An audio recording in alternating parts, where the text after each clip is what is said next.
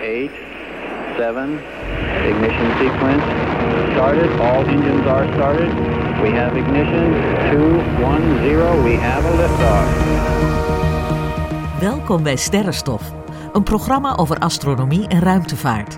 Met interviews, het allerlaatste astronomie- en ruimtevaartnieuws en de sterrenhemel van deze maand.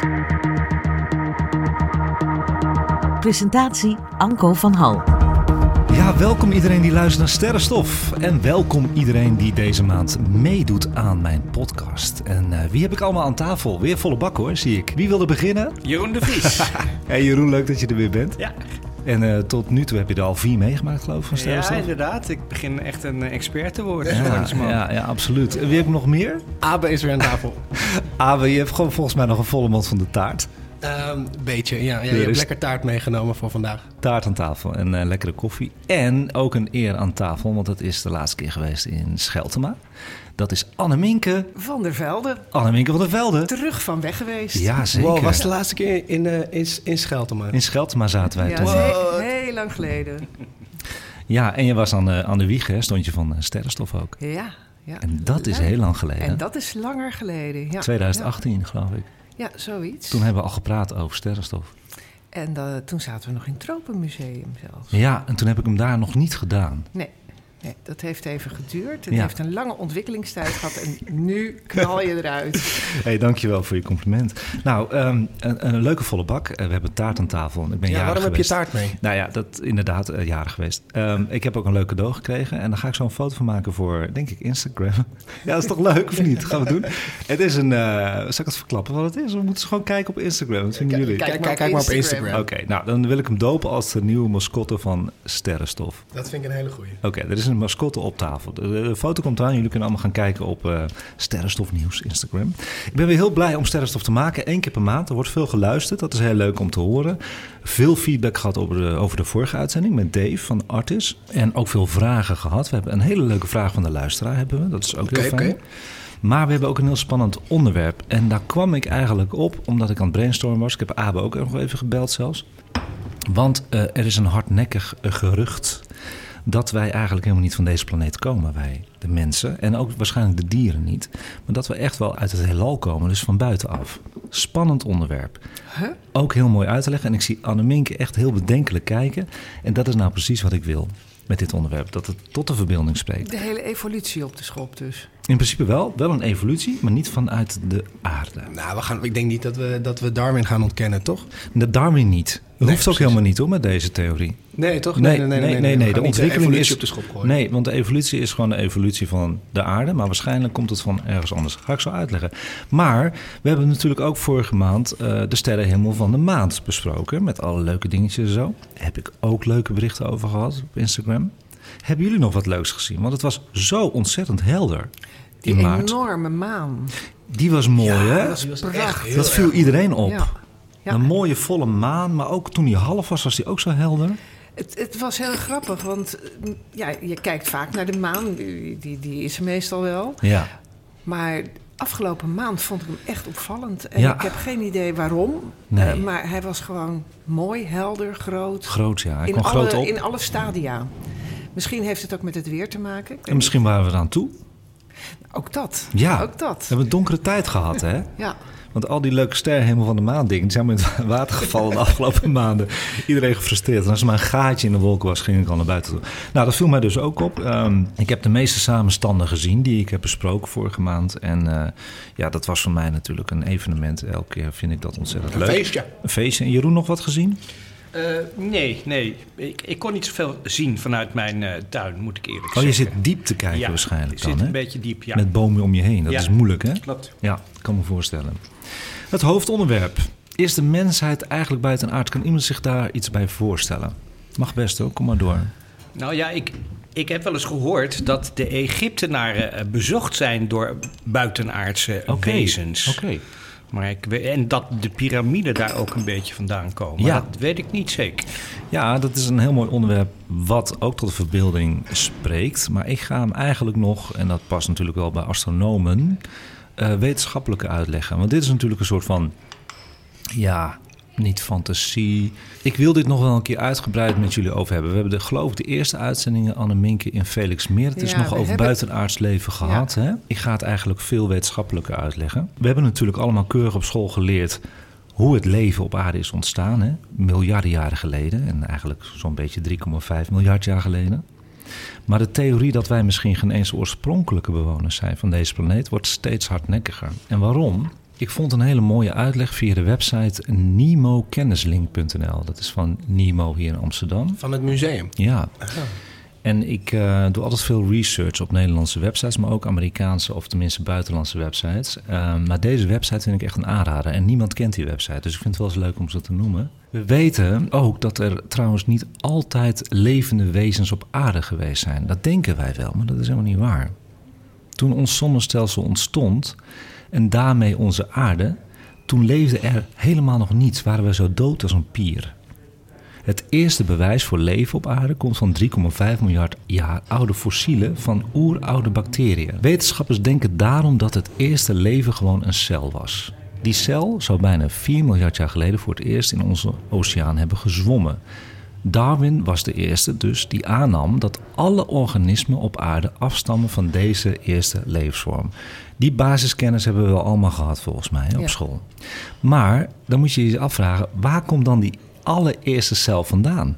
Hoe ontstaat dat nou? Wa- wa- wanneer spreekt men van dat iets leeft, zeg maar?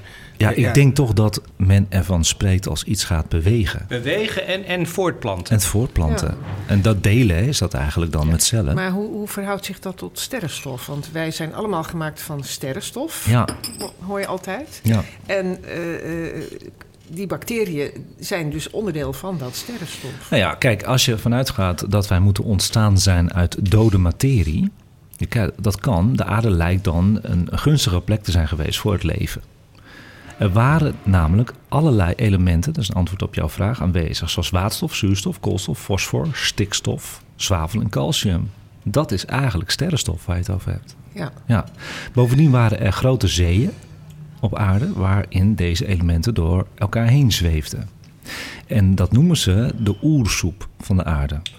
Dat, dat is inderdaad wat ik me voorstel. Dat je inderdaad door chemische reactie en door elektriciteit en eh, hè, eh, straling... Maar, dat daardoor dat leven ontstaat. maar dat is dus een aanname.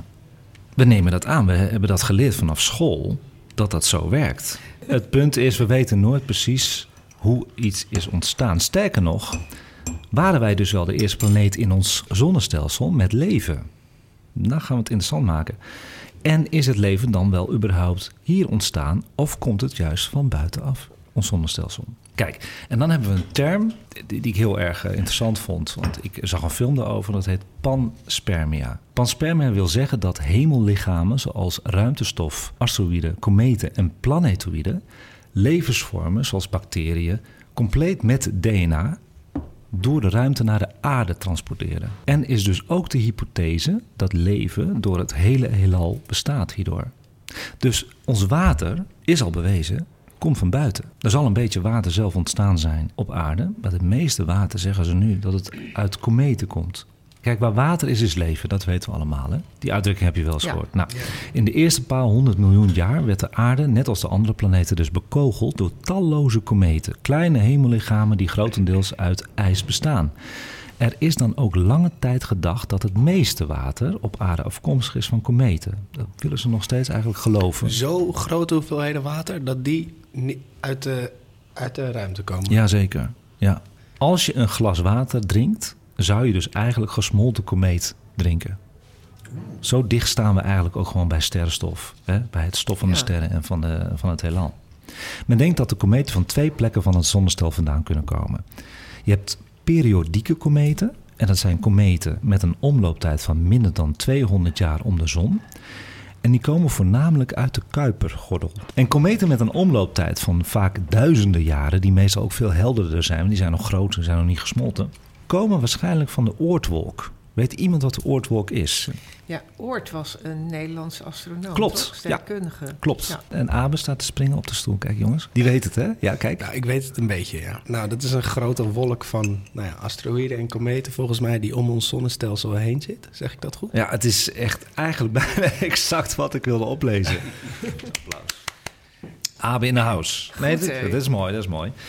Eh, ja, dat is de Oortwolk. Daar komen dus heel veel eh, kometen vandaan. En dit, dat gebeurt nog steeds.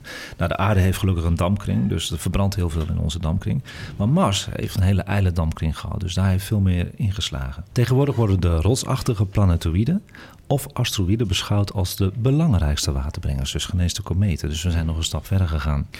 Experimenten tonen aan dat de complexe organische moleculen de crash van een komeet of asteroïde kunnen overleven. Kunnen jullie dat voorstellen? Binnen in die rotsachtige planetoïden overleven ze gewoon die crash. Nou, als je zo gaat nadenken, kom je op panspermia. Ja, gewoon het bevruchten van planeten. Zo is dat. Ja. Ook een hardnekkig iets. En wat ik eigenlijk nog mooier vind, en ik hou van Mars. Er is een heel mooi filmpje op YouTube, Sterrenstof. En het gaat over panspermia via Mars. Want hoe komt dat nou? Waarom denken ze nou dat we eigenlijk misschien wel van Mars komen? Dat is het meest aannemelijke, want die staat het dichtst bij de aarde. Dat komt omdat Mars waarschijnlijk veel eerder leefbaar was dan de aarde. De omstandigheden op Mars waren een paar miljard jaar geleden veel gunstiger om leven te laten ontstaan dan op deze planeet. Men heeft een sterk vermoeden dat er, zij het bacterieel, leven is geweest op Mars. Vandaar ook dat de Perseverance rover op dit moment daar onderzoek doet in de Jezero-krater. Want daar was 3,9 miljard jaar geleden een meer met rivieren voor de aan- en afvoer van water. Een mooie foto kun je nu trouwens bekijken op eh, onze Instagram, Sterrenstof Nieuws. En daar zie je een mooie foto van de Mars rover en met die helikopter ernaast. Maar jij, jij zegt dat. eh, is, het, is het een feit, is het wetenschappelijk zeker dat er dus water was, was daar op Mars? Heel goed, die vraag, want er zijn heel veel speculaties natuurlijk die ik vertel nu. Ja. Dat is een feit. Oké, want net zeg jij, ehm, water is het ingrediënt of een van de belangrijkste ingrediënten voor leven. Dus Ja. als je dan 1 en 1 is 2, dan kan je toch eigenlijk gewoon zeggen, daar waren bacteriën. Ja, Dat is vandaar dat NASA ook zoveel geld besteedt om daar naartoe te gaan. Dus Mars was dus leefbaarder dan, dan de aarde. Maar op een gegeven moment is die atmosfeer van een planeet eh, steeds dunner geworden. Het water is daardoor verdampt op Mars. En wat achterbleef is een bevroren woestijnwereld met ijs en poolkappen in de grond en op de grond. Maar hoe is dan dat eventuele leven op Mars uiteindelijk belandt op onze jonge aarde? Nou ja, Mars kende dus die grote meteorietinslagen in zijn vroegere leven. Veel meer dan de aarde. Door deze grote bombardementen konden zo ook brokstukken zo hoog de ruimte ingeslingerd worden dat ze uiteindelijk op de maan en de aarde konden vallen. Zo heftig is dat geweest. Dat is een behoorlijke kracht. Als dat vanaf Mars naar de aarde. Zeker. En dat is ook een behoorlijke kracht. Wij hebben ook een keer zo'n krater. We hebben de Arizona-krater nog hè, op aarde. Die kun je nog zien. Dat is ook een grote inslag. Is ook, Dat, dat is toch de krater van de, die de dinosauriërs heeft, of niet? dat, dat denken ze. Dat Ja, is natuurlijk ja. een theorie, maar dat denken ze. Ja, dat is een hele grote krater die nog steeds bestaat op aarde. Kijk, voor de rest hebben wij erosie op aarde en de zeeën. Dus je ziet heel veel kraters niet meer op aarde. Maar wij zijn ook gebombardeerd. Bij Mars zie je het nog veel beter. Al die kraters zijn er nog eigenlijk. Op de maan, die heeft geen dampkring, zijn alle kraters er nog. Dus door dat bombardement kun je ook op de YouTube-film kijken. Alsjeblieft, na de podcast, ga dan naar YouTube toe. Dan zie je ook hoe die eh, inslag is geanimeerd. Prachtig om te zien. De afgelopen decennia zijn er een paar honderd van die maan- en Marsmeteorieten gevonden. Hun herkomst blijkt uit de samenstelling van dat steen en vooral de samenstelling van gasinsluitsels in de meteoriet van Mars te komen. De beroemdste Marsmeteoriet is, nou ja goed, daar hebben ze een rotnaam aangegeven, de ALH 84001. Die is gevonden op Antarctica, dus heel goed gebleven daar ook. En NASA-onderzoekers meenden in 96 dus die aanwijzingen gevonden te hebben voor de aanwezigheid van fossiele masbacteriën in deze ruimtesteen. Alleen die theorie, we moeten gewoon eerlijk in zijn, die is steeds verworpen. Dan komt het weer naar boven en dan weten ze het weer niet. Ze hebben namelijk wel een foto gemaakt van een, ja, zo'n zo'n wormpje, helemaal uitvergroot, een bacterie. Maar ze weten niet zeker of het van Mars komt. Wat wel zeker is dat die steen van Mars komt. Dus dat beestje kan er later in gekomen zijn. Ja, weet je dus niet. Nee. Want al- als het een bacterie is, dan hebben we antwoord op de vraag, toch? Nou, dat was toen in 96 gewoon een heel, heel ding, joh. Er was een heel gedoe op het journaal. Dat we dachten leven gevonden te hebben, fossiel leven van Mars. Kun je gewoon allemaal terugkijken. Ja, ik ja, was toen... bestond toen nog niet, dus ik heb daar geen herinnering aan. Oh, wacht even. Ja, dat is het natuurlijk. Die bestond nog niet. Smoesjes. Ja, je... smoesjes. En Jeroen bestond ook nog niet. Zo. Nou, net. Oh, net. Eén jaar of zo. Ja. Dus eh, je kunt je voorstellen dat ehm, als we dit soort stenen al vinden op aarde van Mars... dan is panspermia eigenlijk heel aannemelijk. Ja. Ja, dat de planeten op deze manier materiaal uitwisselen, werpt mogelijk een nieuw licht op de ware oorsprong van het leven dus op aarde. Wanneer een eencellig Marsorganisme aan boord van een Marsmeteoriet op aarde terecht kan komen, is het dus niet ondenkbaar dat alle aardse leven in feite afstamt van Marsbacteriën. En dat die brokstukken van Mars eh, misschien nu nog steeds door de ruimte zweven of whatever. En, Kan nog steeds. En nog steeds andere planeten bevruchten, toch? Maar dan nemen we gewoon aan dat Mars dus onze moeder is. Ja, dat, dat, het zou kunnen. Het is theorie hè, trouwens, hè, wat ik nu vertel. Ja. Niet alles wat ik vertel is theorie, maar de theorie dat we van Mars komen is, dat is aannemen. Ja, het is wel een wild idee. Van, van Ja. gewoon eh, eh, ruimtesperma wat Ja. zo do- door het heelal sproeit en de planeten bevrucht. Dat is meer de vader dan van ons. Hè? Vader, ja. Oh ja, sperma, ja, natuurlijk. Dat is de vader dan. Maar het, is, is het, vind, ja, dat is wel leuk voor een discussie, maar is het nou minder aannemelijk om dit te bedenken, dat we uit het heelal komen, of dat we opeens ontstaan zijn uit onze oersoep? Ik vind het allebei even aannemelijk eigenlijk. Ja, dat vind ik dus Dus ook. Het is allebei, is, is het bijna niet voor te stellen, maar tegelijkertijd ook wel weer Ja. eh, wel. Maar spreken ze elkaar tegen? Nee, want ze spreken elkaar niet tegen. Het kan naast elkaar bestaan. Ik wou net zeggen, het Ja. kan ook allebei natuurlijk. Daarom kan Darwin ook die theorie gewoon bestaan bij dit. Ja. Ja, interessant hè? Ja, het gaat eigenlijk in feite alleen maar over het begin. En die hele evolutie daarna, die, eh, Ja, die is duidelijk. die is gewoon duidelijk. Trouwens, panspermia kan ook andersom, hè? En daar kijken we heel erg voor uit. Door onbedoeld planeten en manen te besmetten met micro-organismen afkomstig van onze eigen ruimtevaartuigen. Kan ook. Wij zijn Ja. natuurlijk nu zo bezig om overal te landen. dat we eigenlijk eh, Mars hebben heel erg besmet al nu. Er is een mooie eh, serie of een mooi boek van Ray Bradbury. Het heet The Martian Chronicles. Heel mooi boek, mooi science fiction boek. En dat gaat daarover. Dat is een, dat is een heel mooi verhaal dat Mars al bewoond is. En dat we daarop landen als aarde, als astronauten zijnde. En door ons toedoen sterven de wezens daaruit. Omdat ze niet tegen onze virussen kunnen. En eh, dat, is een, eh, dat is een mooi voorbeeld, toch? Wat ik dan wel interessant vind, want als het van Mars zou komen, hè, Ja. stel dat dat zo is, dan komt de volgende vraag: hoe is het dan op Mars gekomen? Ja, nou, dan ga je al. Dan ga je gewoon al die stappen verder ga je. Dus dan ga je naar kometen misschien. Dan ga je naar die oortwolk weer... waar we elke keer weer kometen van krijgen en, en planetoïden. Dus je kan zo ver mogelijk teruggaan. Maar daarom is de theorie ook, Jeroen... dat het leven in het heelal eigenlijk heel normaal is. Dus we moeten daar gewoon op, eh, op voorbereiden... dat we echt niet de enige zijn.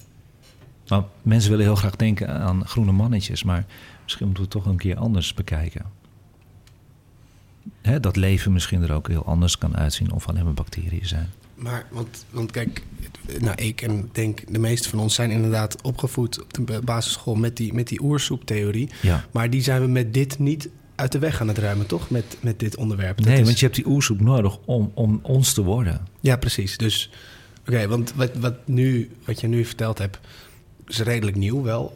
Ik denk, nou, het- Panspermia was voor mij ook nieuw. Ja, het, be- het bevruchten van andere planeten. En Ja. dat, dan, dan denk ik, oké, maar ik wil niet soort van wat ik nu al, wat nu al aan het fundament staat van wat ik, waar ik denk dat leven vandaan komt al jarenlang, om dat ineens uit het raam te gooien. Maar dat is dus helemaal niet het geval, toch? Helemaal niet, nee. Nee, en dat ja, was wel mooi, want dat vroeg Annemink in het begin ook volgens mij. Gaan we de theorie van Darwin ernaar uitgooien? Nee.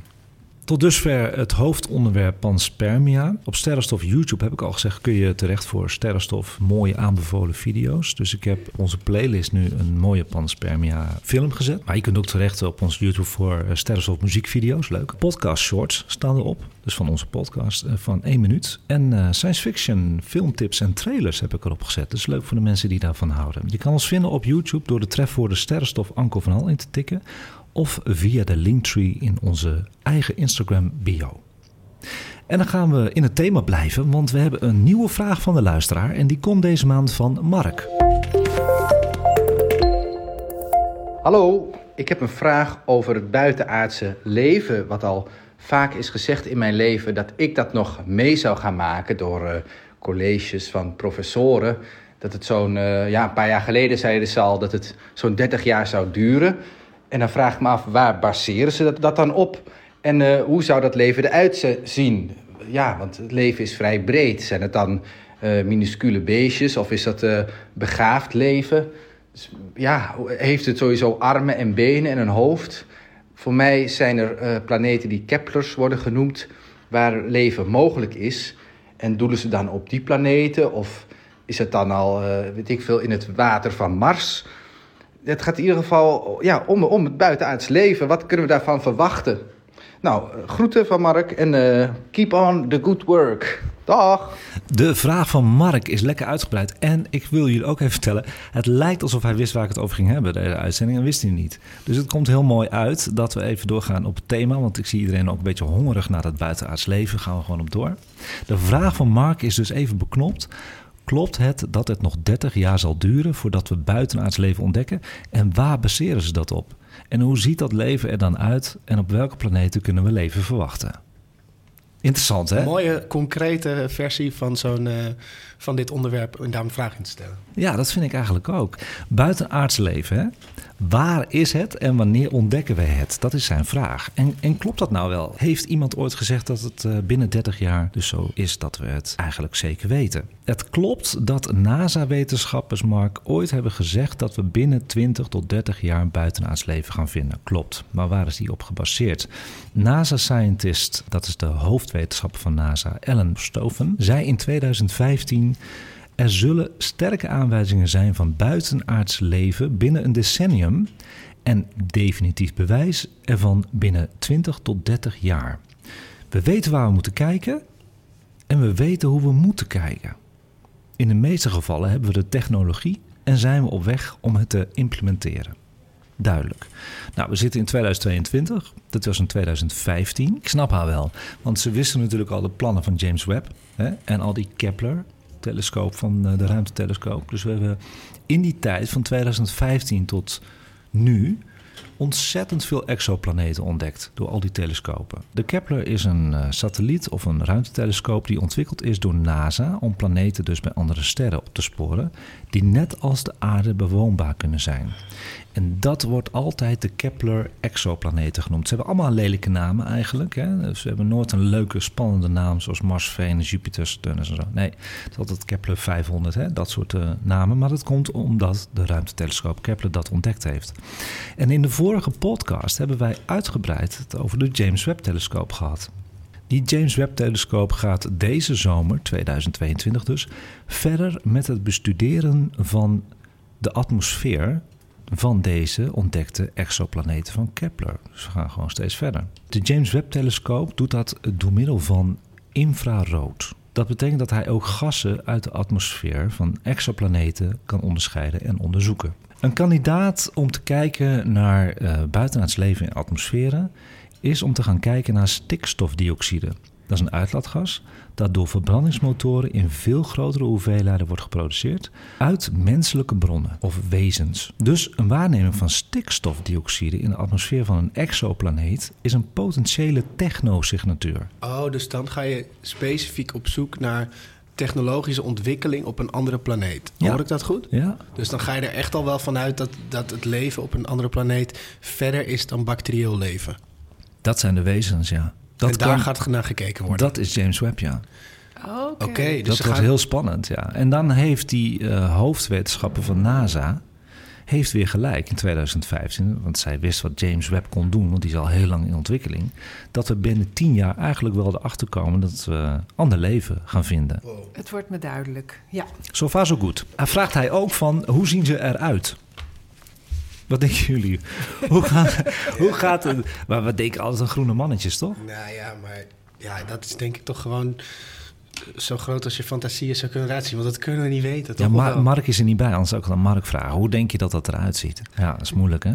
dat, is- dat is echt een hele moeilijke vraag. Nou maar, ja, maar de- als er gezocht wordt naar stoffen die wij ook uitscheiden, dan eh, zou het ook wel een beetje zoals het aardse leven eruit kunnen zien. Niet misschien de mens, maar wel zoals het aardse leven. Het schijnt ook helemaal niet zo gek te zijn dat op heel veel andere planeten dezelfde ontwikkeling eh, ontstaat. Het kan natuurlijk omdat de zwaartekracht wat heftiger is en de atmosfeer net even een andere samenstelling heeft. Dat eh, het uiterlijk van een mens, ik moet hem maar even mens noemen, er anders uitziet. Dus dat, dat ze daar langer zijn of korter door de zwaartekracht. Nou ja, de- op aarde zie je dat ook al. Dat eh, hoe mensen eruit zien, dat heeft ook te maken met de omgeving waar je, waar je opgroeit, waar je, waar je Precies. geboren wordt. En eh, ja, in, in Peru en Bolivia zijn mensen klein. En eh, heel breed en compact. Maar Ja. dat komt omdat ze op hoogte leven en eh, weinig zuurstof hebben. Ja, ik vind mooi uitgelegd. Dus eh, ja, dat, dat zie je het, zul je op andere planeten ook zien. Je past je aan aan de omstandigheden. En ik denk niet dat het hele rare wezens zullen zijn. Zullen er misschien net iets anders uitzien dan wij. Maar ook weer niet zo heel erg verschillend, denk ik. Nou ja, misschien moet je je ook voorstellen dat eh, wij hebben dus die meteorietinslag gehad die alle dinosaurussen heeft eh, omgebracht.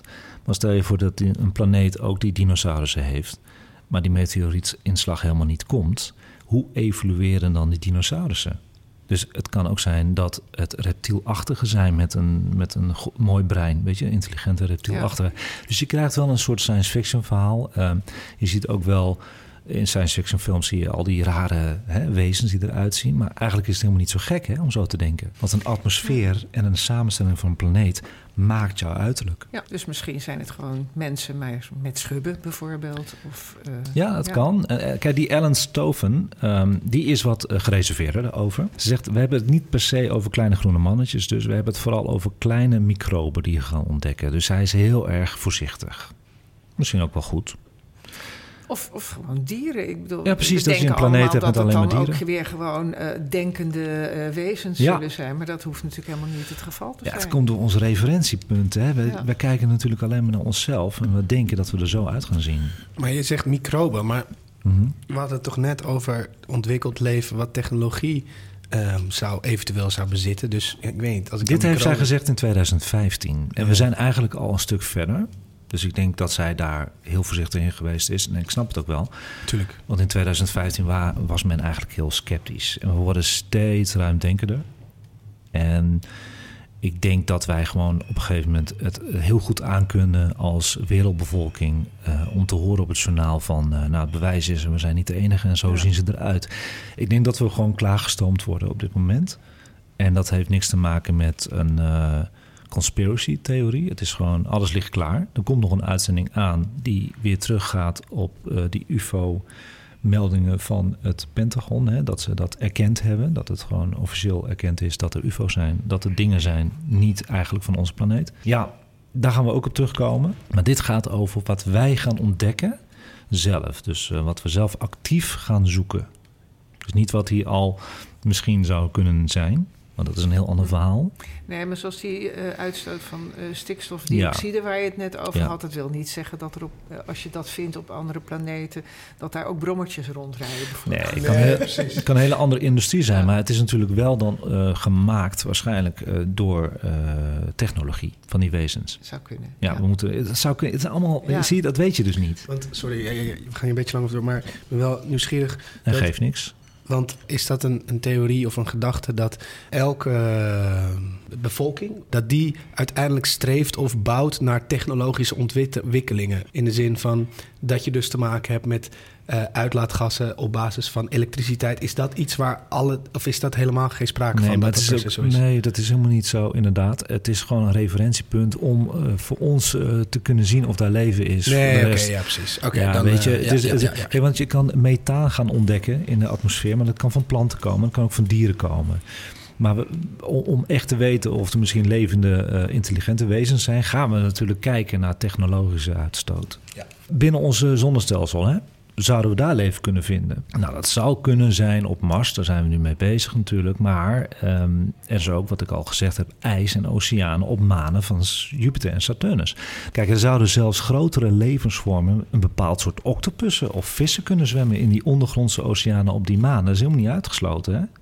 Maar dan moeten we daar wel naartoe om het zeker te weten. Dat kunnen wij dus niet eigenlijk met een telescoop bekijken. Je moet eigenlijk boren in die grote dikke ijslaag op die eh, manen, Europa bijvoorbeeld of zo. En dan pas kun je eigenlijk met een camera naar binnen en met een onderzeetje gaan kijken of er eh, leven is. Europa is, is een maan van Ju- Jupiter. Jupiter, ja, precies. Ja. Ja, dus eigenlijk Europa is een maan van Jupiter waar ze denken echt wel dat daar leven is. Ja. Veel potentie.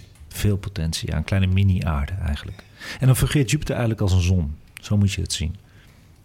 En die, met die huidige technologie van nu, zou dan binnen 20 jaar bepaald kunnen zijn dat we echt buitenaards leven hebben ontdekt.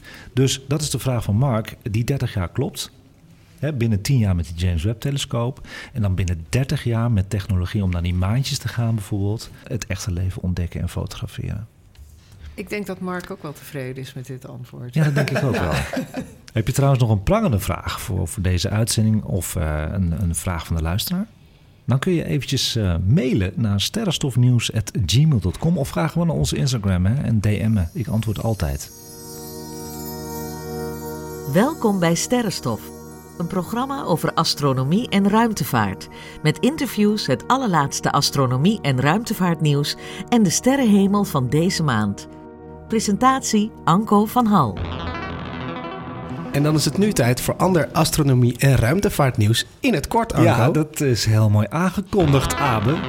En uh, ja, we hebben weer leuke nieuwtjes gevonden. We, ik eigenlijk, want ik ben heel erg gaan zoeken. En niet op de normale website. Ik ben een beetje naar Amerika ben ik gaan, gaan kijken. En ja, die hebben toch iets andere astroneuwtjes pakken ze op dan Nederland. En ik heb er één gevonden die ik nergens zag. Dus ik probeer een beetje uniek te zijn. Die andere twee, hm, die heb ik alweer voorbij zien komen. Maar voor heel veel luisteraars is dat nieuw. Je kan trouwens uh, verwachten dat wij in de loop van de 50 jaar toch iets gaan ontwikkelen om naar de dichtstbijzijnde ster te gaan.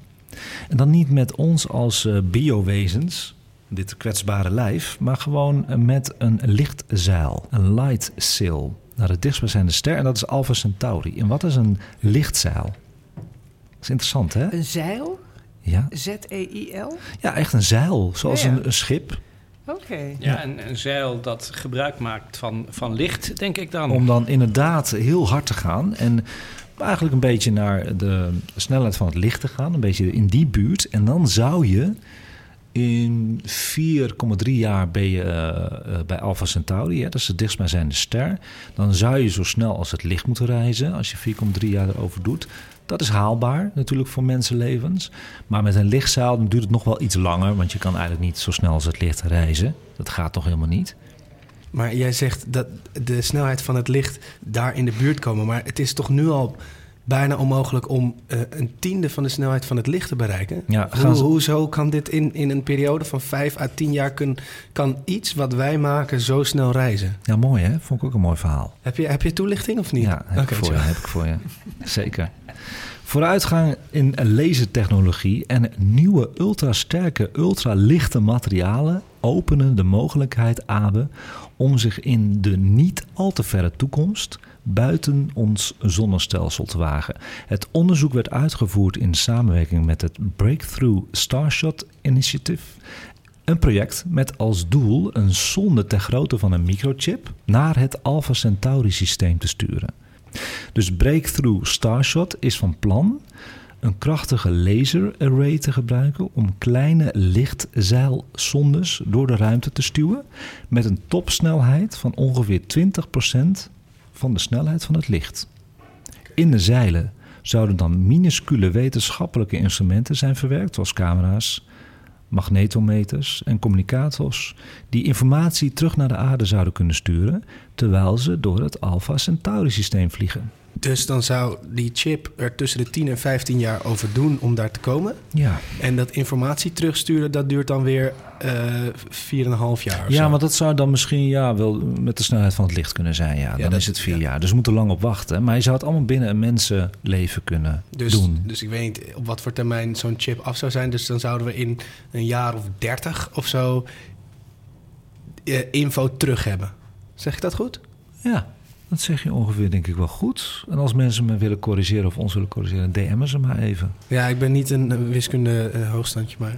Ja, maar ik heb dan wel nog even een vraagje hoe zo'n lichtzeil dan werkt. Ja. Want eh, dat vraag ik me wel af. Dat is een heel technisch verhaal. En die vraag had ik ook eh, geanticipeerd.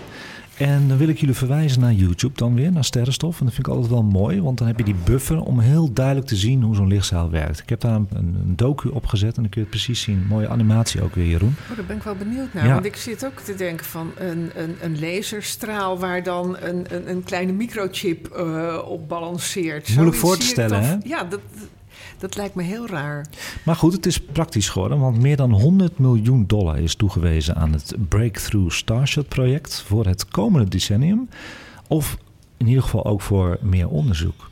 Dat is natuurlijk heel veel geld, maar is het in, eh, als je relatief kijkt naar eh, bouw van, van... Nee, dat is niks. Is 100 miljoen is niet veel. Nee, dat is onderzoekgeld hoor. Oké.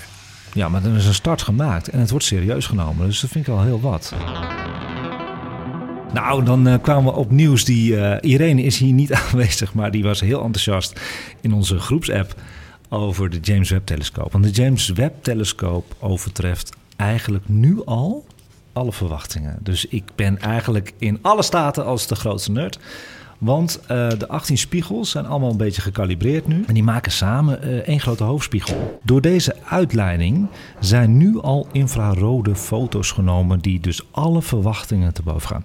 Terwijl de telescoop eigenlijk dus pas deze zomer officieel in volle kracht is. Over dit hè, heb ik bij scientias.nl het volgende gevonden. Op de nieuwste foto die gemaakt is, zijn de hoogste resolutie infraroodbeelden te zien die ooit vanuit een ruimte zijn gemaakt, dus nu al. Op deze foto hebben ze een ster gefotografeerd die wij genees met het blote oog kunnen zien.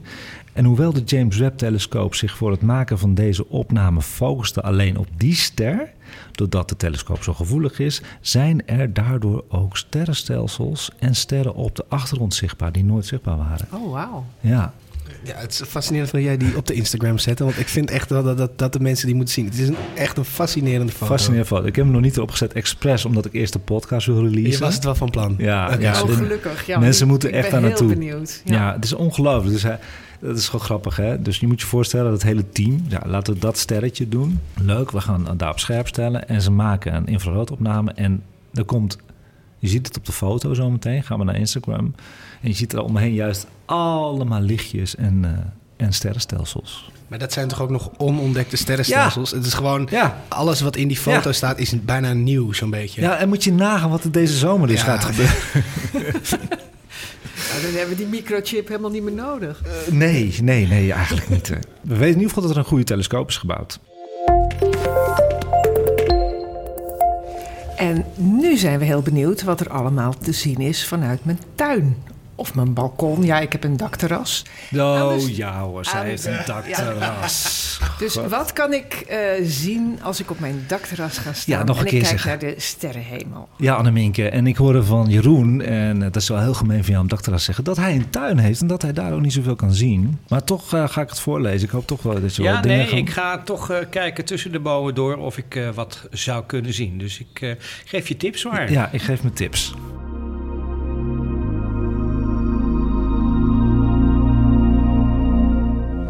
Pak je agenda maar weer bij en luister of schrijf mee wat er allemaal te zien is aan de sterrenhemel van april 2022. Nou, de planeten. We hebben vorige maand, weet je nog, Abe, jij was erbij. Jij ook, Jeroen, ik weet niet of je nog weet, maar het was een hele magere maand hè, Ja. voor planeten. Daar was ik een beetje gefrustreerd over. Je zag er maar twee, Mars en Venus. Die heb ik ook gefotografeerd 's ochtends.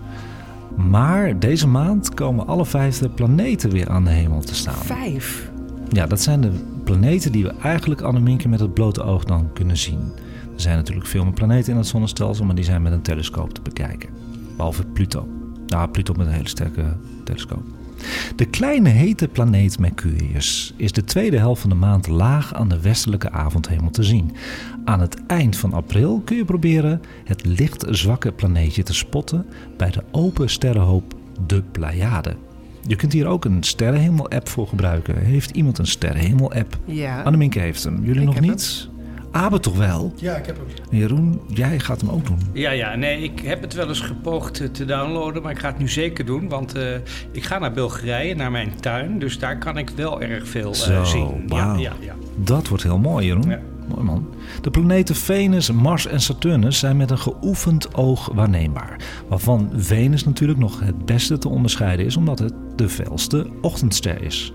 Je kunt hem nog steeds bekijken, hè? dus ze gaat 's ochtends opstaan. Dus een uur of zes moet je even kijken. Vlak voor zonsopkomst staat daar een hele heldere ster laag aan de horizon. Aan het eind van de maand staan Venus en Jupiter vrij dicht bij elkaar. Ze staan dan laag boven de zuidoostelijke horizon. Daarover zometeen weer meer. Een interessante ochtend om de planeet Saturnus te spotten is wanneer de maansikkel op 25 april 6 graden boven de geringde planeet staat. Saturnus is een beetje licht zwak, dus ik vind die samenstanden altijd wel handig om toch die planeet even te spotten. De volgende dag, dus op 26 april, schrijf maar op, kun je de lichtzwakke rood-oranje planeet Mars proberen te spotten net boven de maansikkel. Mars wordt overigens begin december dit jaar, onthoud dat goed, veruit het helderste object aan de hemel na de maan. En zal makkelijk te zien zijn als de rood gekleurde ster, oftewel de rood gekleurde planeet aan de hemel. Even geduld dus voor deze aankomende rode kerstster.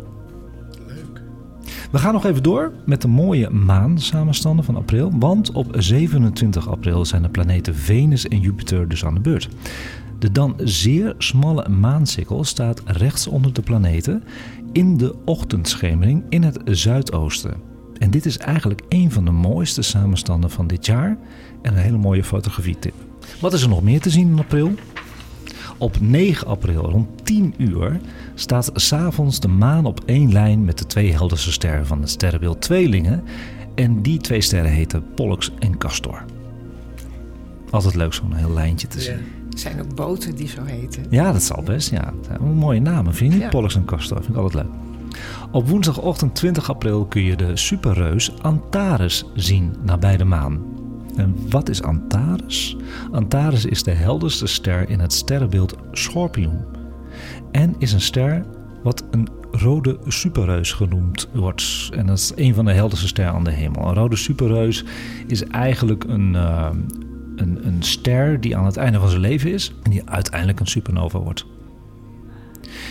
De ster staat onder andere bekend als het hart van de schorpioen. De naam Antares is eigenlijk Ant een streepje Ares. En dat is de tegenhanger van Ares en dat is Mars. Mars is Ares. Op wie hij dus lijkt als je naar hem kijkt. Hij is net zo rood-oranje als Mars.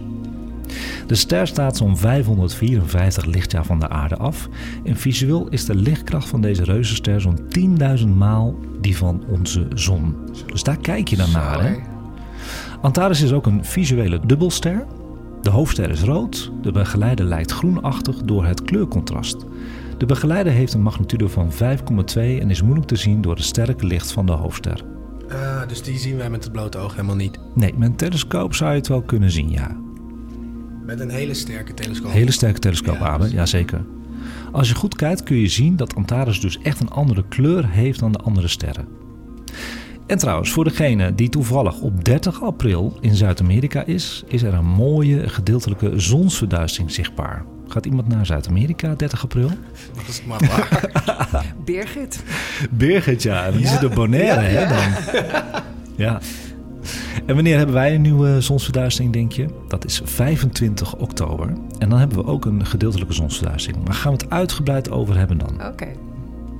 Dat was het eh sterrenhemelnieuws van april.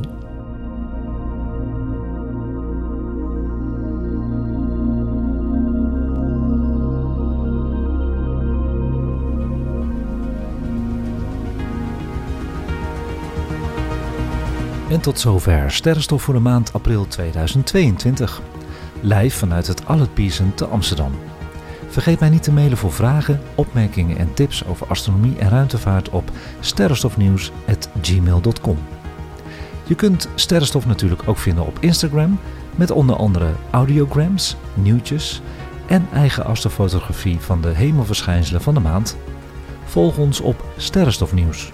En terugluisteren kan altijd via alle bekende podcastplatformen. En natuurlijk bedankt Abe, Anneminke en Jeroen voor de medewerking als essentiële sidekicks. En Erik, bedankt voor de techniek. Iedereen bedankt voor het luisteren weer. Tot de volgende keer. En kijk eens wat vaker omhoog.